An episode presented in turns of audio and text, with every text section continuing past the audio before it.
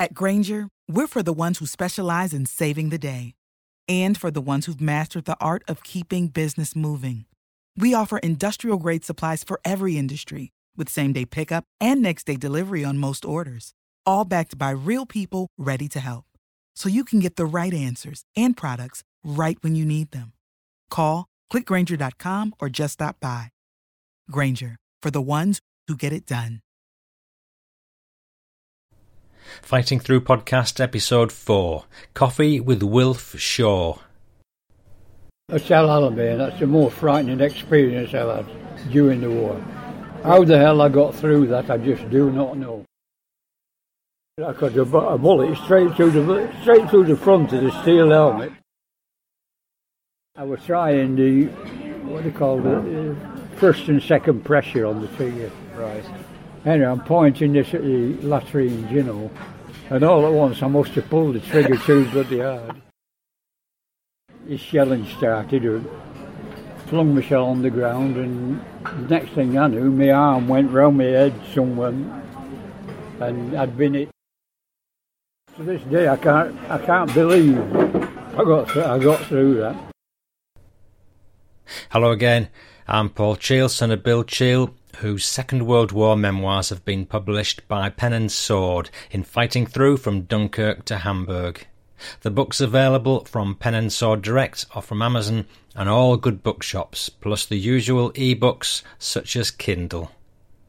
The aim of this podcast is to give you the stories behind the story. You'll hear first hand memoirs and memories of veterans connected to Dad's war in some way, and much more. This episode, I'm having a chat with Wilf Shaw, a World War II veteran who has a staggering number of stories to tell us. So you're going to hear an old soldier's vivid memories and musings, sometimes tragic, often hilarious, and there are some quite startling revelations too. Wilf is 96 years of age in 2016 and still trespassing, as he puts it himself. He's a resident of Oldham in Manchester, England. Wilf had a phenomenal war. He joined the British Army in 1940, just after Dunkirk, joining 6th Battalion the Green Howards as part of 50th Infantry Division. He fought pretty much throughout the whole war in many campaigns, including fighting for Monty's 8th Army in Alamein, Wadi Akarit in Tunisia, Sicily, and of course Normandy. He was wounded twice and still returned to battle. What makes Wilf's memories very special to me are the parallels with my own dad's war. They served in the same battalion and fought in most of the same battles. My own dad passed away several years ago, so speaking to Wilf today has got to be the next best thing to speaking to my own dad about his experiences. I hope you enjoy.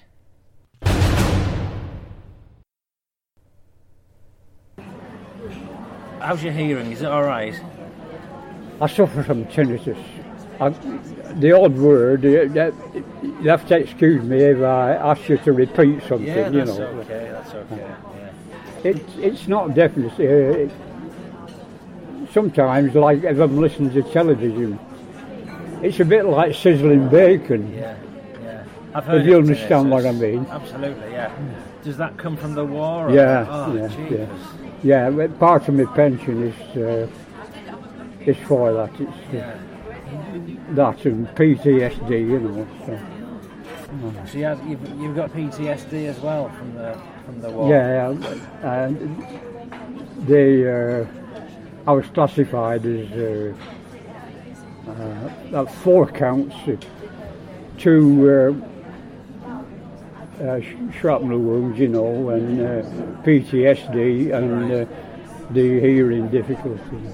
Do you know, um, the only consolation there is that you are still alive and you got through the war because re- reading through all the notes you've produced, you've had so many narrow scrapes in that war. Nobody appreciates that more than I do. No, I just can't believe it sometimes. it's funny because reading Dad's memoirs, I realised how many narrow scrapes he had as Yeah, well. yeah. I was thinking how how much uh, truth is stranger than fiction. Mm. Some of the stories you've got and, and Dad's got between you. Uh, a chap told me his, his father was killed at Wadi Akarit, Ken Oliver. His father was Sergeant Major Oliver, and he was killed at Akarit.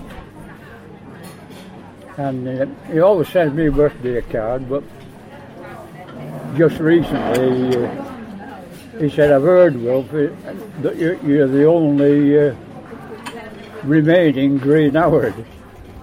Second World War. No, I find that a bit hard to believe. Something I should say actually before I forget, if I touch on any areas that you'd prefer not to talk about. No, talk about whatever you like. Can we? Oh, okay, all right. When you started the Battle of Wadi Akarit, what you had to cross this flat plain, didn't you? No.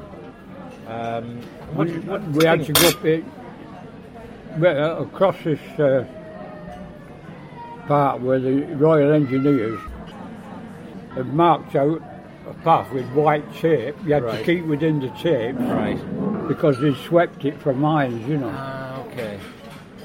and we gradually and gradually, but in the end we had to go up onto this high. We were being overlooked by the Italians. Pretty frightening, really, but not as bad as when I was a child. Mind, I was a signaller then. But uh, at El Alamein, that's the more frightening experience I had during the war. I'm talking about the main one The on main the, on the yes. 23rd of October. Right. How the hell I got through that, I just do not know. I, there was about the section advancing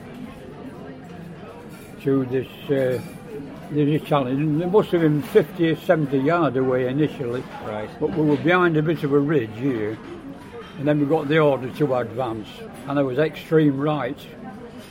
Oddly enough, the chap next to me was another chap from Oldham Yeah. called uh, Bill Diggle.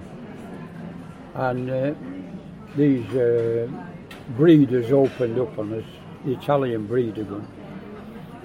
And uh, oh, bloody chaos. And we all hit the deck. Diggle next to me, being hit across, across here in his mouth. And uh, I flung myself on the ground and put the rim of my steel helmet in the ground like that. Sure, I got a, a bullet straight through the straight through the front of the steel helmet, and it, it knocked the metal back and dropped on the camouflage. And me, like a fool, I threw I threw the bullet away in a bit of a mad temper, you know. I put put my hand in. You should have kept it as a souvenir, eh? I didn't manage to keep the steel helmet, Did you? Have you still got it now? no, but uh, but I had my steel helmet on the tied on the back of my pack, and the, uh, we were on a truck lumbering up to Benghazi, and there were the uh, bouncing about, Yeah. And it, it came loose and fell off the truck, and the last I saw it was uh, bouncing along the road, you know. So I didn't manage to keep it. But I remember arriving in hospital with it, uh, uh, 106 South African. Right. Uh, and I put the steel helmet on, you know the little cabinets they give you at the side of the bed. Right. I put it at the bottom. And this doctor come right, he said, you were wearing that when that happened. I said, ah, I was. And it saved your life. At- this point, you're in hospital. What? what you, you'd got hit by something then. Sorry? You'd got hit by something because you were in you were in hospital. It was the following day after after the episode with the doings. The helmet, right? I was moved to another sec, uh, another uh, platoon, Yeah. and uh, there was I had to go into action again, uh, do the same thing as I'd done the night before, Yeah. And uh, we were moving along, and and uh, shelling started. and flung my shell on the ground, and the next thing I knew, my arm went round my head somewhere, and I'd been it in my armpit here and came out the front here. Yeah. So, Have you still got the scars from it? yeah.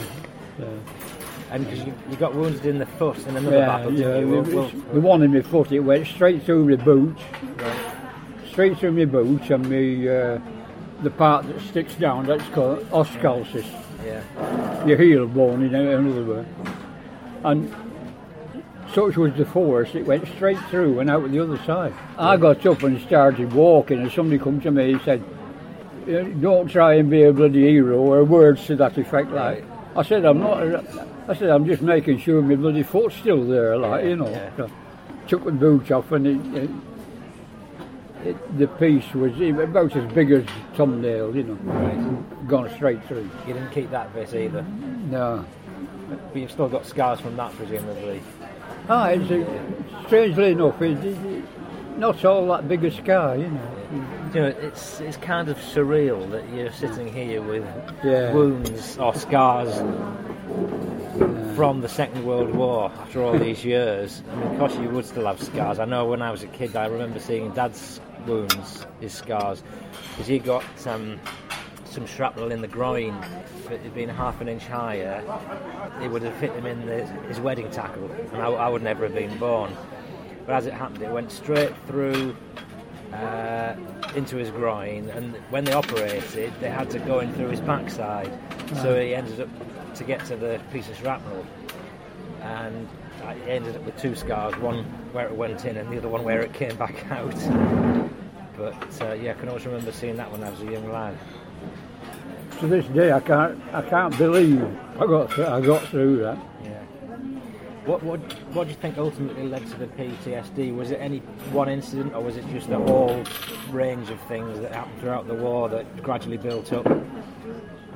Certain incidents crop up, not, not, not all that often really, but occasionally. Uh, I, I don't sleep all that well at times, Right. but uh, I'll waken up from a dream that's about that, you know.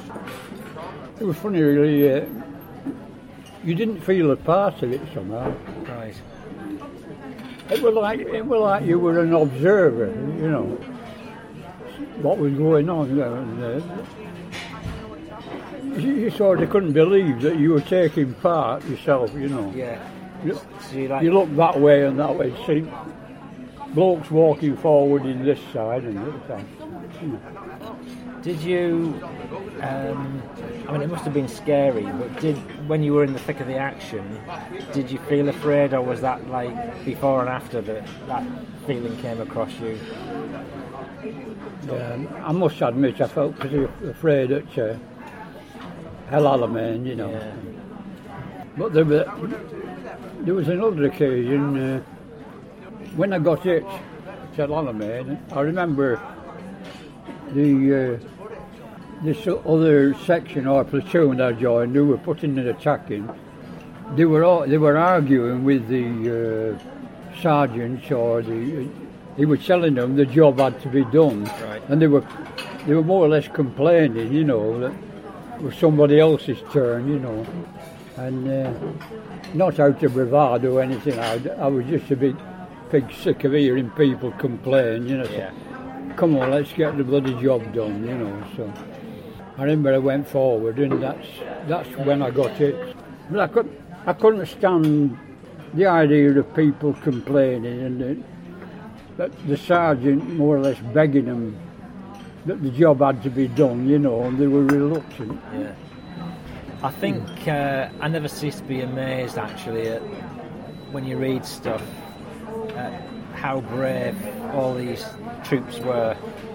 Uh, you know, without exception, just the fact that they were prepared to walk forward across a plain or wherever it was, knowing that they might get killed. And uh, I, was, I was just reading a paragraph from uh, Sicily, because Dad was at, well, you were at the River Simeto, weren't you? The Primosole Bridge. Uh, yeah, yeah, that was the river. It crossed the river Simeto. yeah. Yeah. and the Durhams lost a hell of a lot of lads. Uh, it might have been it was sixth, eighth, and ninth Durhams were part made up the. Yeah, I think it might have been the sixth who lost a hell of a lot of lads at uh, Right.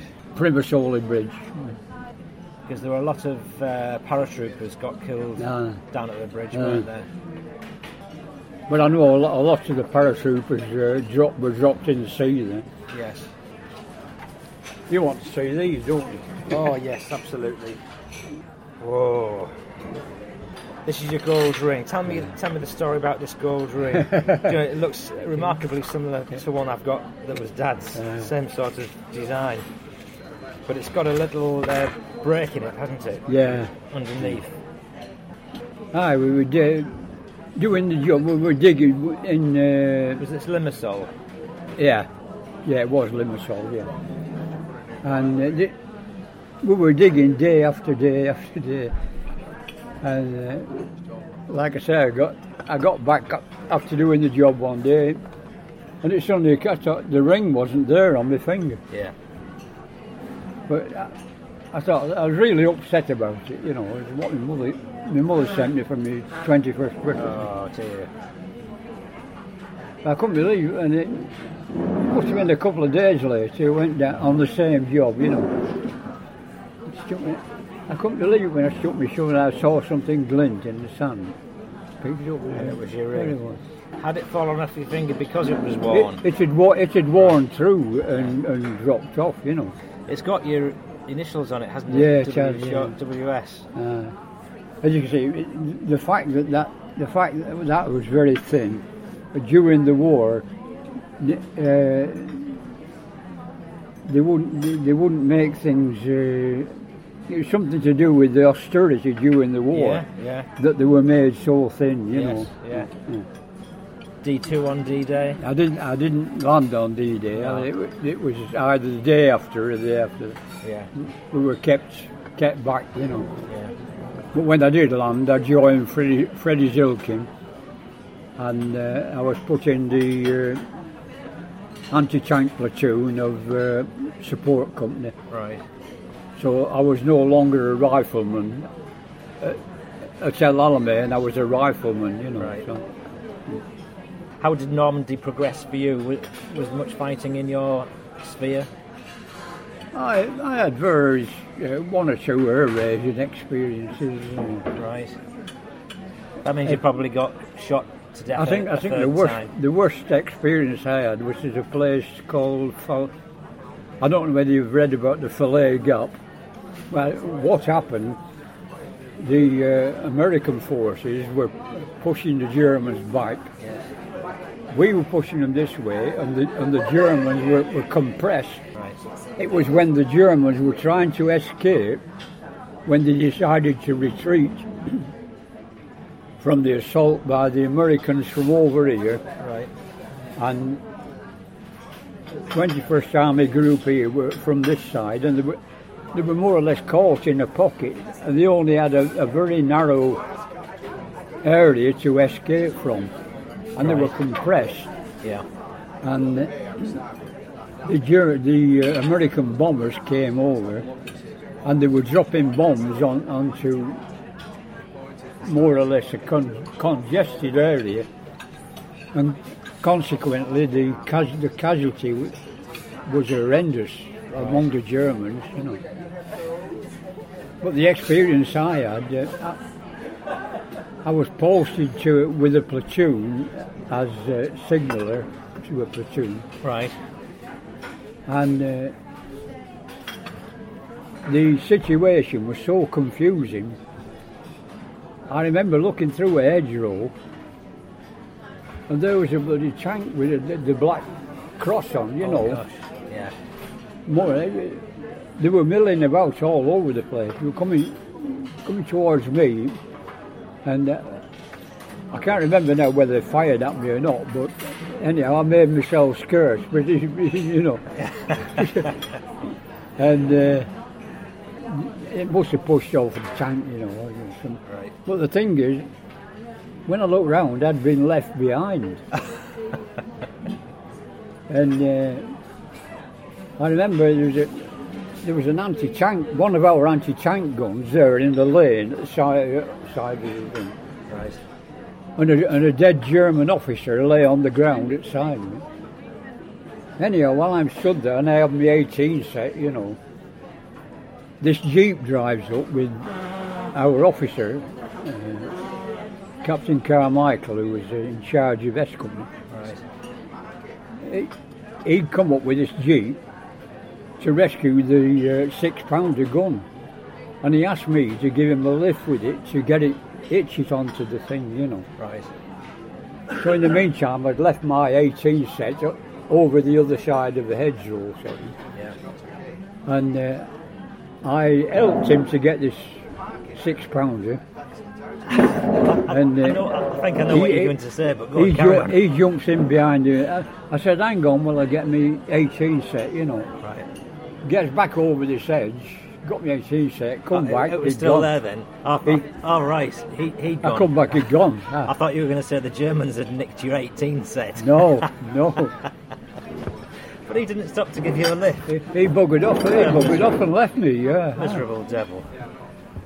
Oh, So I, I remember uh, I, I put the 18 set on my back and walked to the main road and managed to ha- uh, hitch a lift from Americans yeah. who were going past and they gave me a lift and I saw this thing 50 div, you know, side of the road, Yeah. Yeah. gets off and uh, found my own way back. So I could have had words with Carmichael, but it's about that. You know. But your your uh, Normandy experience carried on- on right through Normandy, didn't it? Yeah. Dad, Dad got wounded towards the end of June, and that was the end of his war until he recuperated and he, Uh, he I, came back. I went through uh, I went through Normandy and the rest of the not up through Belgium and Holland, but uh, never got wounded again. I wounded twice in the desert. But, uh, Well, you, by the- you'd learned to keep your head down by ah, then. very like that. well, I remember one bloke saying to me, uh, talking to you like I'm talking to you now, and he said, "Did you ever?"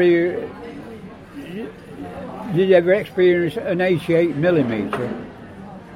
Right. You said about the there was tremendous velocity. Yeah. I said, yes, I, I heard a 88 millimeter shell twice. I said, once when it passed me, and again when I passed it.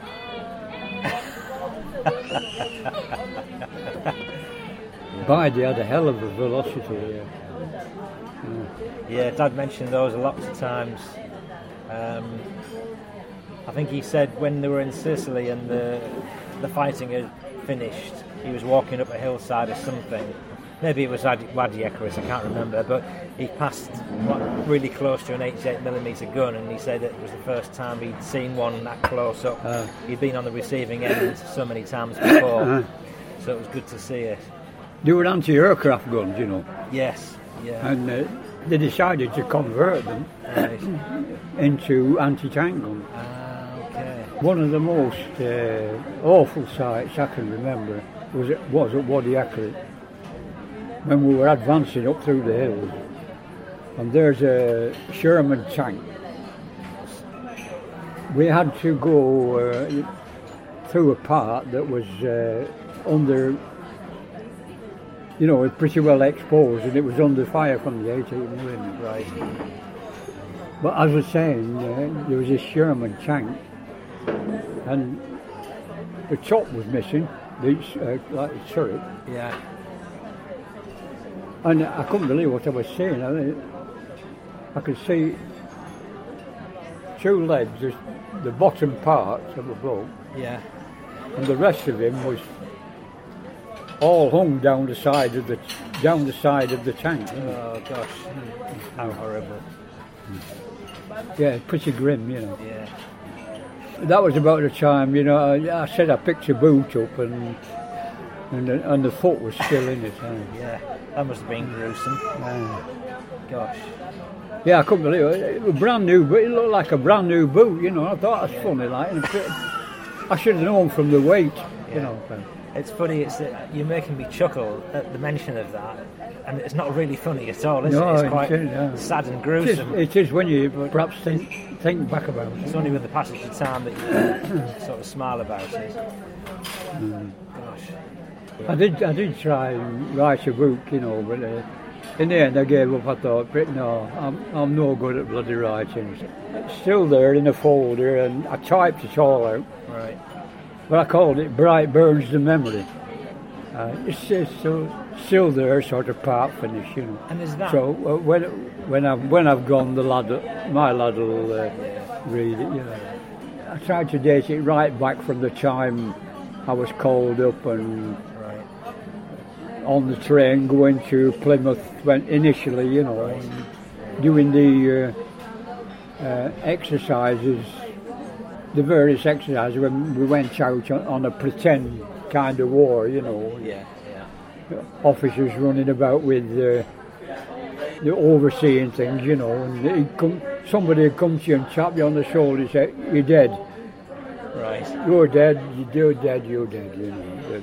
This is the kind of silly little thing that went on, you know, before the war when taking part in these schemes. You, know.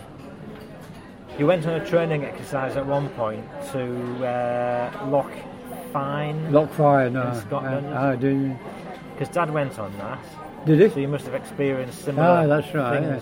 They were practicing landing uh, from landing. Landing crafts on, on the shore. And did you have to cross uh, rope bridges? Inverary, I think. Inverary, that's right. Yeah. I remember Dad saying in his memoir that it was freezing cold all Aye. the time you were there. Oh, that the one that I, I think the one you might be talking about was uh, a scheme on uh, Exmoor, and uh, th- there were some people killed on that. Right. I think they were run over by a tank uh, How dreadful. or a vehicle or something like that. Run Yeah. over, you know. But trying to sleep, I, I remember there was Morris Hancock, Henry Jeffries, and myself, three of us, and we had one blanket between us. Right. This was on Exmoor. Ah. yeah, yeah. So we, we took it in turns to get the warm spot, which, which, which was in the middle. In the middle, right, yeah. So the two on the outside were freezing bloody cold, you know. And, uh, yeah. And what did it, did it, was snow? one hell. Did- Was it snowing? It was just freezing bloody cold. Right? Yeah. I can't remember whether there was any snow or not. But it was one one hell of an arduous scheme. That Exmoor. Just going back to. Um, Was your dad on that? he was, yes. Exmoor, yeah. yeah. I'm, sure he mentioned those lads getting killed. He, he, I think he suggested they were run over by a tank. Um, going back to Inverary and Loch Fyne, because that was a training course as, as a prelude to D-Day, wasn't it? Yeah, it was. Yeah. And Dad said coming after it, uh, he didn't say much about what happened on it, although I think he talked about crossing the river using a rope Uh, uh, and lads falling in the water and being caught downstream by divers so they didn't drown. But um, the one that point that stuck in my mind was he said the journey back down south from there they were on a Yeah, train, a train accident. a train crash. Well, Uh, Dad was on that train. Now, I, were were you on it? Can you remember? I don't think I was. I think for some reason we, I was uh, on a vehicle, there was some went down on the train, but I think I was I was on a vehicle moving down to the same place. You know. But I remember the accident. You do, yeah. Yeah, that was horrendous. I think the uh, a lorry had come over the parapet of a bridge and landed on the train uh, halfway along it. But Dad, luckily, Dad was in a carriage that wasn't affected. But he said there were soldiers, dead, dead soldiers, left, right, and centre. Uh, You come from Oldham, and there's one thing you, you read in your, in, you said in your memoir that most of the lads in the battalion were from the northeast, but not entirely. There were lads from South Yorkshire, Scots lads, Cockneys, Welsh, Irish, and at various times I shared a dugout with a Welshman, a Scotsman, a Jew, and a lad from Gateshead. ah, So you, right, that's right. Yeah. you covered the full uh, gamut of I can remember his name, Gus Parks, he was called. Uh, That was the that was the um, the Geordie. yeah. The lad from Gateshead, right? Because Dad said in his memoir that he met a lot of Scots and Welsh and Irish, and he said Yeah, it was uh, an education to be fighting alongside such lads. One of my best mates, uh, he, he was eventually killed on, I think it was D16, right? Peter McKenna. And I shared a dugout with him uh, up, at, up at Gazala. I shared a dugout with uh, Peter. Right. And I, I've written somewhere that, that we, we shared more than a dugout. We, uh, we shared uh, each other's letters, uh, Right. shared each other's uh, uh, concerns in life, you Yeah, know. yeah. But uh, he was eventually killed. Good soldier, good soldier, Peter, conscientious. Uh, Yeah, Dad said once that pals came and went a lot in the war. uh, You'd make pals and then the next day they'd be killed and It's funny, but you you be, you be in a section of uh, seven, eight people, and you, you know, well, and one day I look round, and where's so and so? Oh, he, he reported sick, and uh, we've not seen him since. and he, he, he probably reported sick, was whipped off to hospital, and uh, and that was it. Nobody knew what happened to him. You know, uh, happened on a lot of occasions. You didn't get sent back to your own unit. Ah, Okay. If, if, if another unit was uh, below strength, the army being what it is, and they've no bloody sentiment or anything like that, Yeah. they didn't send him back to his own mates and his own unit. They sent him somewhere else. I don't know, but that's that's what happened on the case. You know, Yeah. people just disappeared. It's funny. There's a few um, comrades of Dad's that I've got photographs of, and I, I can't trace them anywhere. And uh, he lost several at Sicily, um, and a couple of which there's just no trace of them in any of the records. Uh, and it's weird. I, I did read sometimes that they weren't recorded as having been killed unless they found a body.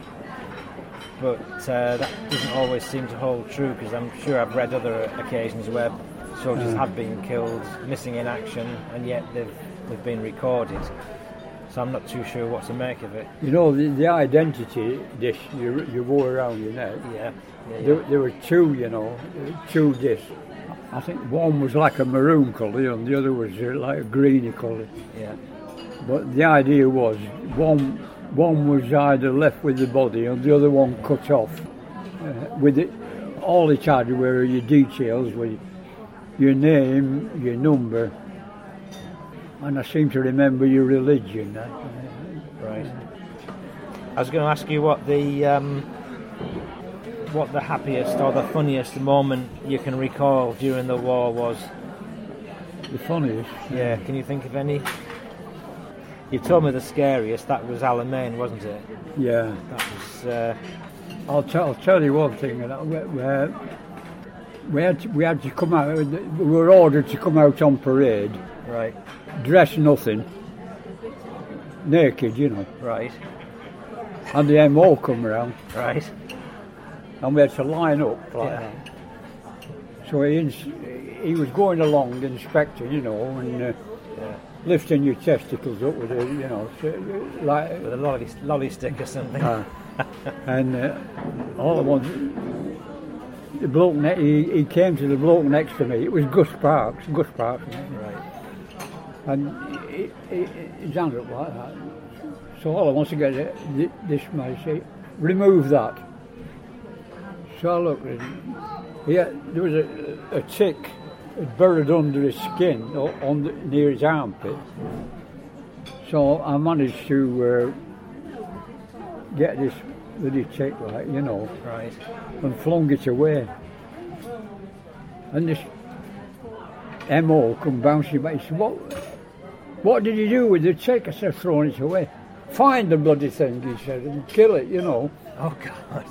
So crawling around on the uh, doing, and it, what went through my mind was it, how the bloody hell can I find a chick among this lot, you know, 180,000 square mile of desert sort of thing, you know.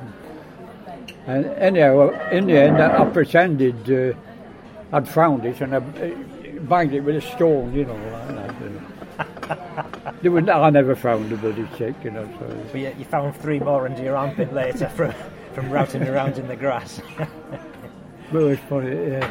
Each each man had to he inspected, you know, different parts of your body under your arm, and uh, yeah. then you had to reverse and you know inspect your harness, sort of thing, you know. Yeah, no secrets in the army, eh? I, I, I told you about the time we got a bath, didn't I? Um, I, I can't remember. Tell me again. Was this When, when, you had when we share- managed to catch a, a canvas bath, and we, we took it in turn to, uh, we drew lots, you know, Yeah. uh, to go in this canvas bath. You To know. see who went first. uh, whoever went first, you know, uh, had the benefit of clean water, Yeah. but uh, each of the other ones following, you know. Um, by the time it got to the last one, it was a, a mixture of sand and cement and camel shit, if you like, you know. Or worse. well, actually, So you probably uh, can't get much the, worse the ones at the latter end declined, uh, Yeah.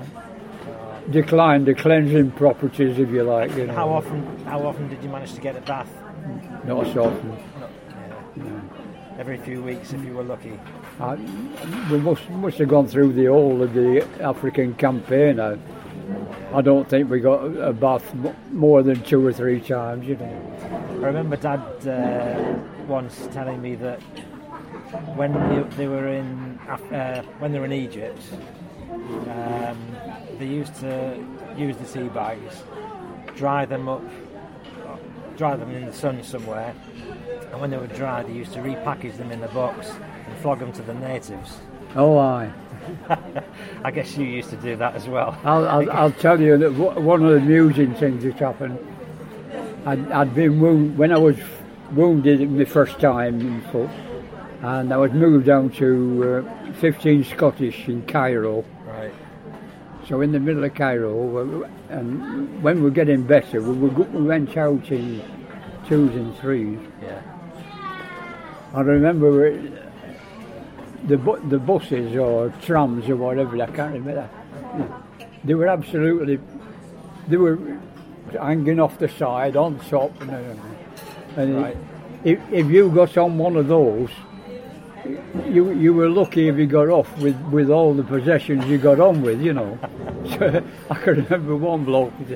He was hanging on to something, and the bloody wristwatch disappeared off his wrist.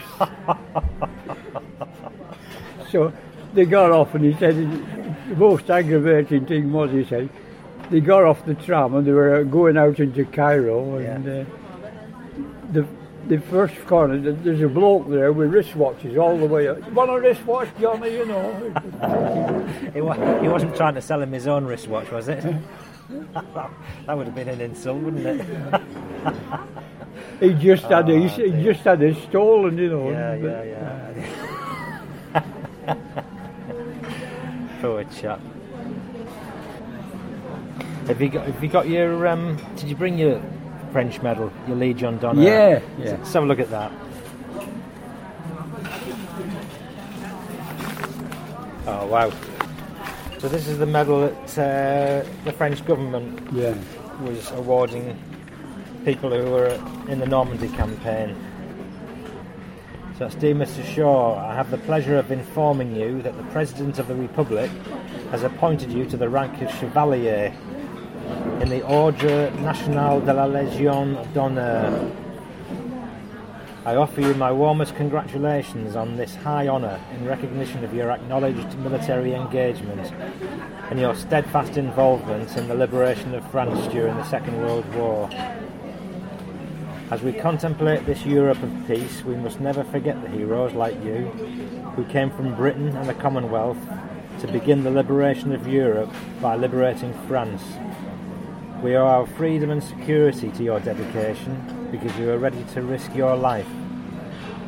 I'm happy to enclose your insignia of Chevalier de la Légion d'honneur and once again extend to you my heartfelt congratulations. Yours sincerely, Sylvie Bermann. And that's from the ambassador, am, ambassador of France.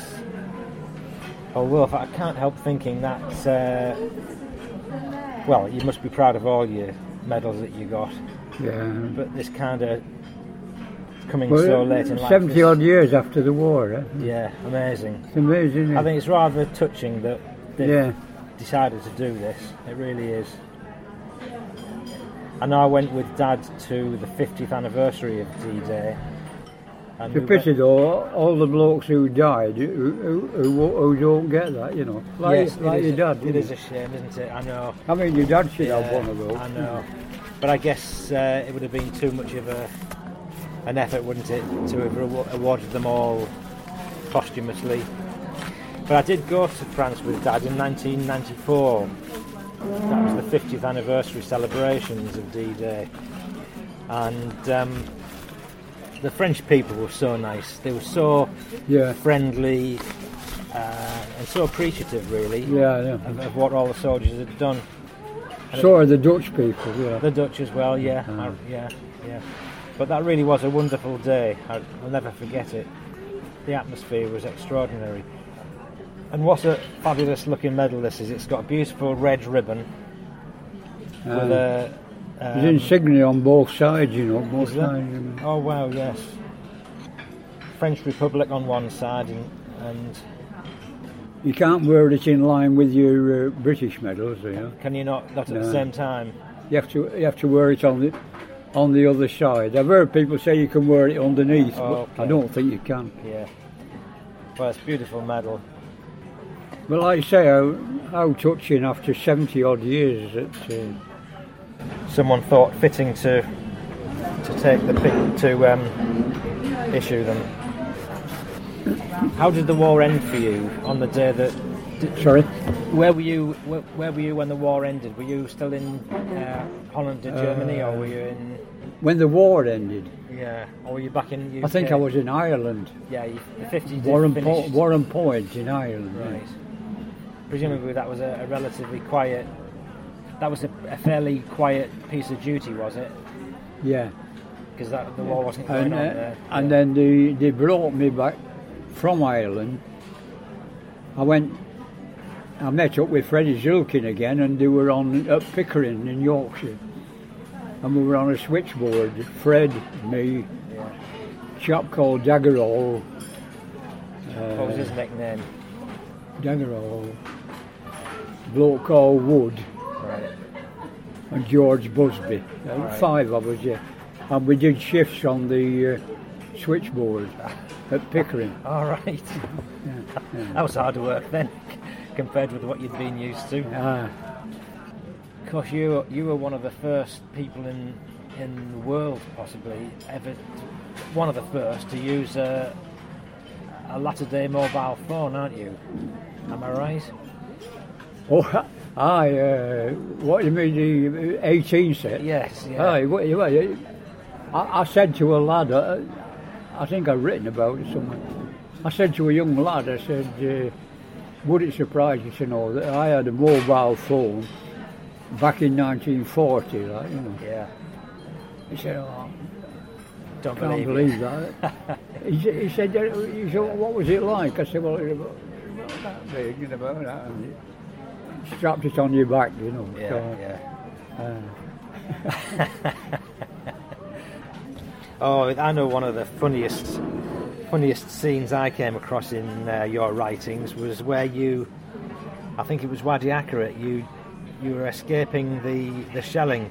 I was with Ginger Wright, uh, and uh, this bloody, they, they, they were like moving across a gap a few at a time, you know, because it was under observation. Right. And every now and again, the shell used to come down, you know. And sure enough, when Ginger and me were there, they, we heard this screaming of the shell. We- dived in this nearest slit trench, you know. Yeah, yeah. And the Italians had used this as a toilet. So. So did you did you end up all soiled, or did you manage to steer clear of the worst of it? Uh, the engineers, you know, they, they, they used to do the toilet whe- when we were static, yeah. like at, uh, up at Gazala, we were static for a long time. But the engineers dug great big slots in the ground. uh, uh, About they had to be well away from where you were situated. You know. Yeah. And then they put a box over the top, Yeah. a wooden box Yeah. over the top, and uh, a flap. And it was the, the, the hinges for, for the flap to come down. with the parts of uh, old rubber tyres, Oh, okay, yes. and they were pretty strong, like you know. And you, you, you, it, it took quite an effort to, to lift these up, like. And Yeah. when you let go of it, you, we went down, bang, you know. but I can remember the uh, the bottom of these uh, doings one. It was crawling with uh, scarabs, ship beetles we used to call okay. them, ship beetles, and they flew about at night, you know, and. Uh, you, you get banged in the side of the head, and there was these ship beetles, you know. Uh, but they used to lay their eggs in uh, excreta, you know. Yeah, yeah. Oh, how, how horrible. I know Dad, uh, talking about these, um, well, the Wadi Akarit and the Italians, Dad said when they checked through the caves on the mountainside for, you know, stragglers, uh, prisoners, um, there were signs of female company. And they could smell the perfume, and, and uh, so they're obviously the soldiers had had well prostitutes in, in the caves to keep them company between battles. I was telling them, I was telling them, pe- people in the communal lounge, you know, I said, during the war, I said, you know, uh, they gave us some stuff to keep your nature down, you know, Oh yes, stop you getting an erection, you know. yeah. And uh, I, don't, I don't know what it was. Some people said it was lime water or something like that. Was it bromide? I said, I, I'll tell you what, I, I think mine's beginning to work.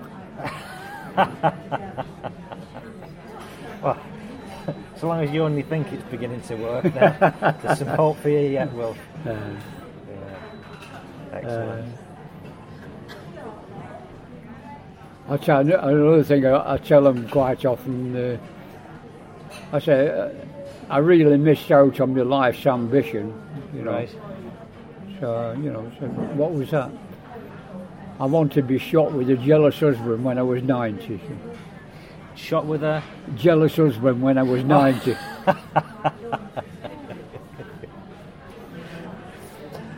Uh, and sadly, that didn't happen. Looking at today's world, was it all worth it? That, Aye, that you went good- through. A good question. It's something I ask myself many times when I see, you know, some of the things that go on today, Yeah. it makes you think that what what you went and blokes died for and were prepared to lay their life down for. You'd, you'd have thought we'd, we'd have made some kind of progression, but uh,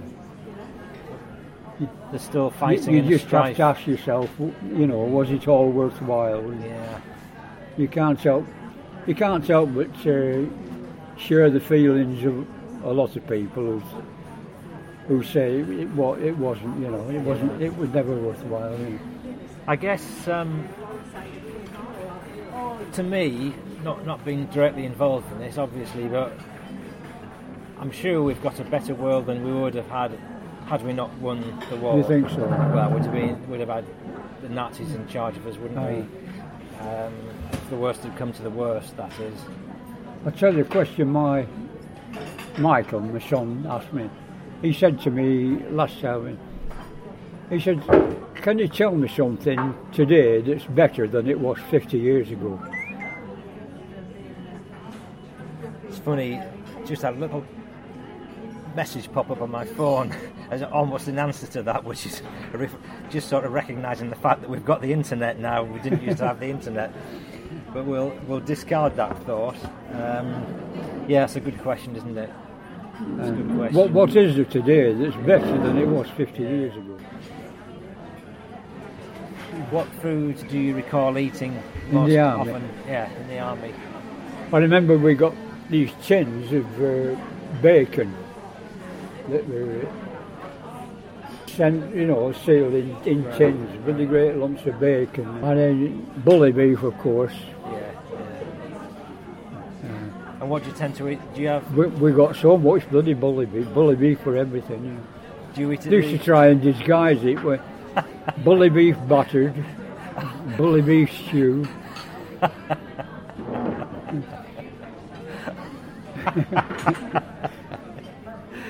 Oh dear. Do you eat bully beef now? Is that is it corned beef really? Is that, I remember corned beef? Oh, with Ginger Wrights, where was it? I forget where we were, I think we were up in Tunisia. And we're eating out of a mess tin, and all at once, Ginger pulls this out of his mess tin, and it was it was a bloody centipede, you know. Oh god. Yeah. That's that's not. That's quite good really, because if everybody wanted a leg, there'd be plenty, plenty to go around. Ah, Oh, disgusting. I think Dad said. Uh, I remember Dad saying when he first went to Kassassin camp, because you were there, weren't you? oh, uh, He was complained. uh, He complained about the food. He said the first several days the food was just disgusting, uh, and he couldn't eat anything, and he lost half a stone. And then thankfully it, it improved, and after that it was things were okay. But I remember uh, Kassassin, we were in tents, the dining hall, everybody had to make their way to the dining hall, you know, which Yeah. is, oh, it, it could have been a hundred yards away, perhaps more. yeah, But that's where every everybody had to go from the surrounding tents, you know.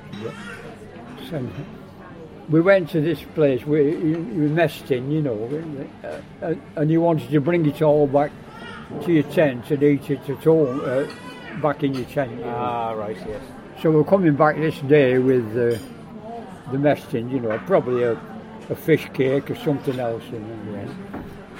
And uh, we're coming back, and there's some, some more blokes coming it. Where's the dining hall, you know? yeah.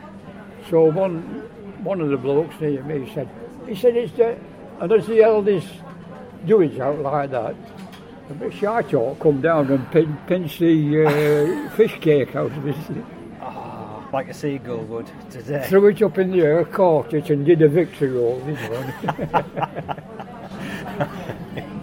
You could have done with an 88 millimeter to shoot it down. Oh dear me. So did you go hungry then, or did you all give him a little bit of yours? Would you have shared it? I think we afterwards? must have done, yeah. Yeah. Oh, You didn't get a lot to eat, really. Well, Wilf, I think um, I'm nearly at the end of my thoughts on things we could talk about. So I, I think we'll probably draw to a conclusion now. But I'd just like to end by saying thank you for the time you've spent with me. It's been a real pleasure, and I'll also thank you on behalf of the rest of the the rest of the world for all, for all your efforts. Well, I was no hero. I was no hero, I can tell you that. Thank you for uh, having the patience to listen to me. Know. Oh, so that was that wasn't that was easy. That was easy.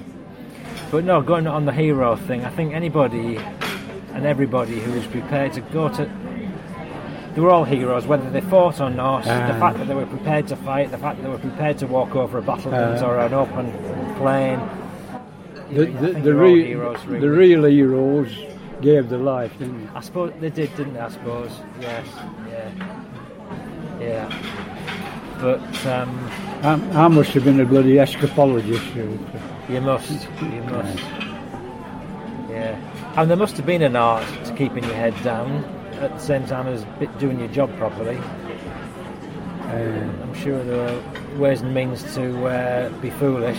I, I remember uh, Dad at one point in the Battle of Wadi Akarit, his his officer, uh, Lance Corporal Coughlin, he'd only been introduced to him a few weeks, I think, and they were in the in the hillsides at Wadi Akarit, and they were overlooked from further up the hill by some Italians, and they were supposed to be keeping their heads down. And all of a sudden Lance Corporal Coughlin, Coughlin stood up to see what was going on and he was shot dead by a sniper and he fell dead right next to Dad. And, and he shouldn't have done that. He should have called for cover while he observed I guess and then he'd have been safe and possibly still alive I'll Yeah. tell you something that happened.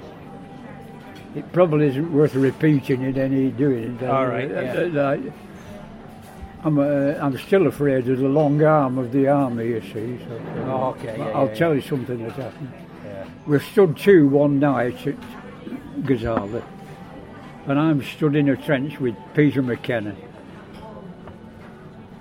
And we used to stand for an hour at stand to at night, you know, certain times stand to. Yeah. And me, uh, my, my rifle, and uh, I was doing the pretend, doing, you know, aiming, Yeah. supposing that were. Just lining your gun up. I, Yeah. I was trying the, what do you call it, uh, first and second pressure on the trigger. Right. Anyway, I'm pointing this at the latrine, you know, Right. and all at once I must have pulled the trigger too bloody hard. and the, bloody- and I, I fired me, I, I fired, uh, fired a shot off, you know, Right. and they were bloody panic, panic, and uh, the sergeant come and said, "Did you hear a shot?" And I said, "Yeah." He said, "Well, what?" I said, "Over there." but the, the funny part was, all he had to do was pick up, pick, take my rifle off me and feel at it, and he, He'd have known yeah, the heat. because yeah. the, the barrel was still warm, you know.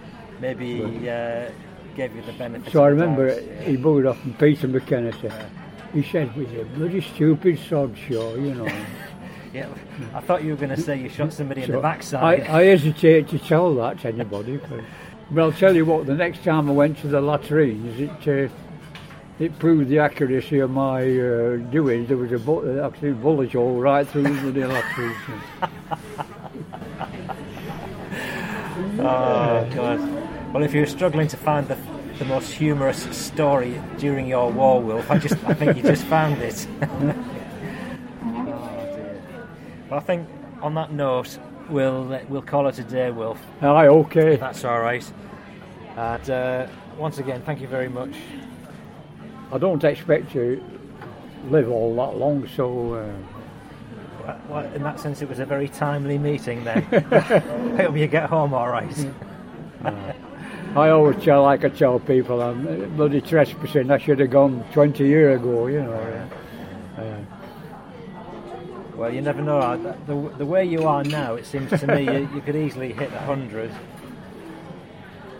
it don't bother me really. Yeah. No, you've had a good, a good innings, I guess, haven't you? And, uh, I'm not afraid of dying. I'm, I'm- I must admit, uh, I don't, I don't fancy the, I don't fancy the experience of suffering a bit. You know, in being in hospital with people running around. You know, Yeah. and one thing. I'd just as soon keel over and then. yeah. Mum always says that. She said she'd just like to go off at night, like in her sleep. That would be the perfect outcome. be the perfect end that if uh, just keel over, you know. I still won the lottery, you know. You still do it? Yeah. My like, Michael, he says, uh, well, 96 year old, he said, going on. He said, well, what the bloody hell would you do with it if you won it? I said, well, that's easy. I'll give it away. I think you should go on a five-year cruise. No, I'll give it away. Would you? Yeah. Ah. yeah. I know so many deserving people, you know, people who really had it really bloody hard in life, you know. Yeah. And I'd, I'd just like to be the one who uh, turns around the life, you know. Well, you can certainly make a big difference with some of these Aye. prizes that are going, can't you?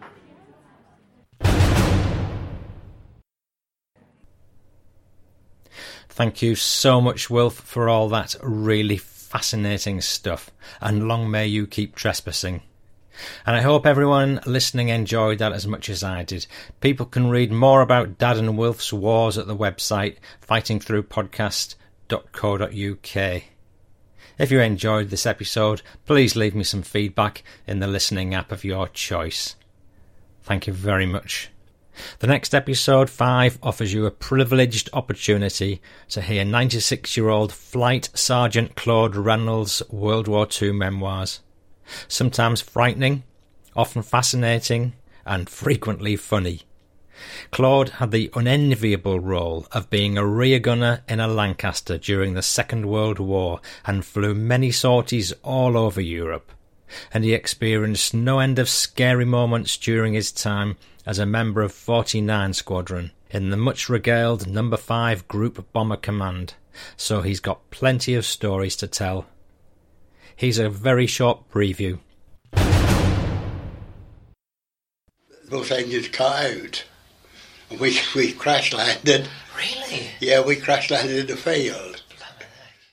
How did we get through that lot, you know? Because that was just one mass of, of, of anti-aircraft shells bursting all everywhere. Ice was cracking off the wing. You'd hear the old ice cracking off the wings. Oh, yeah, VE night. Yeah. God, hell, yeah. Is that a night to Yep. remember? Oh, was that? For now, I'm Paul Cheall saying bye bye now.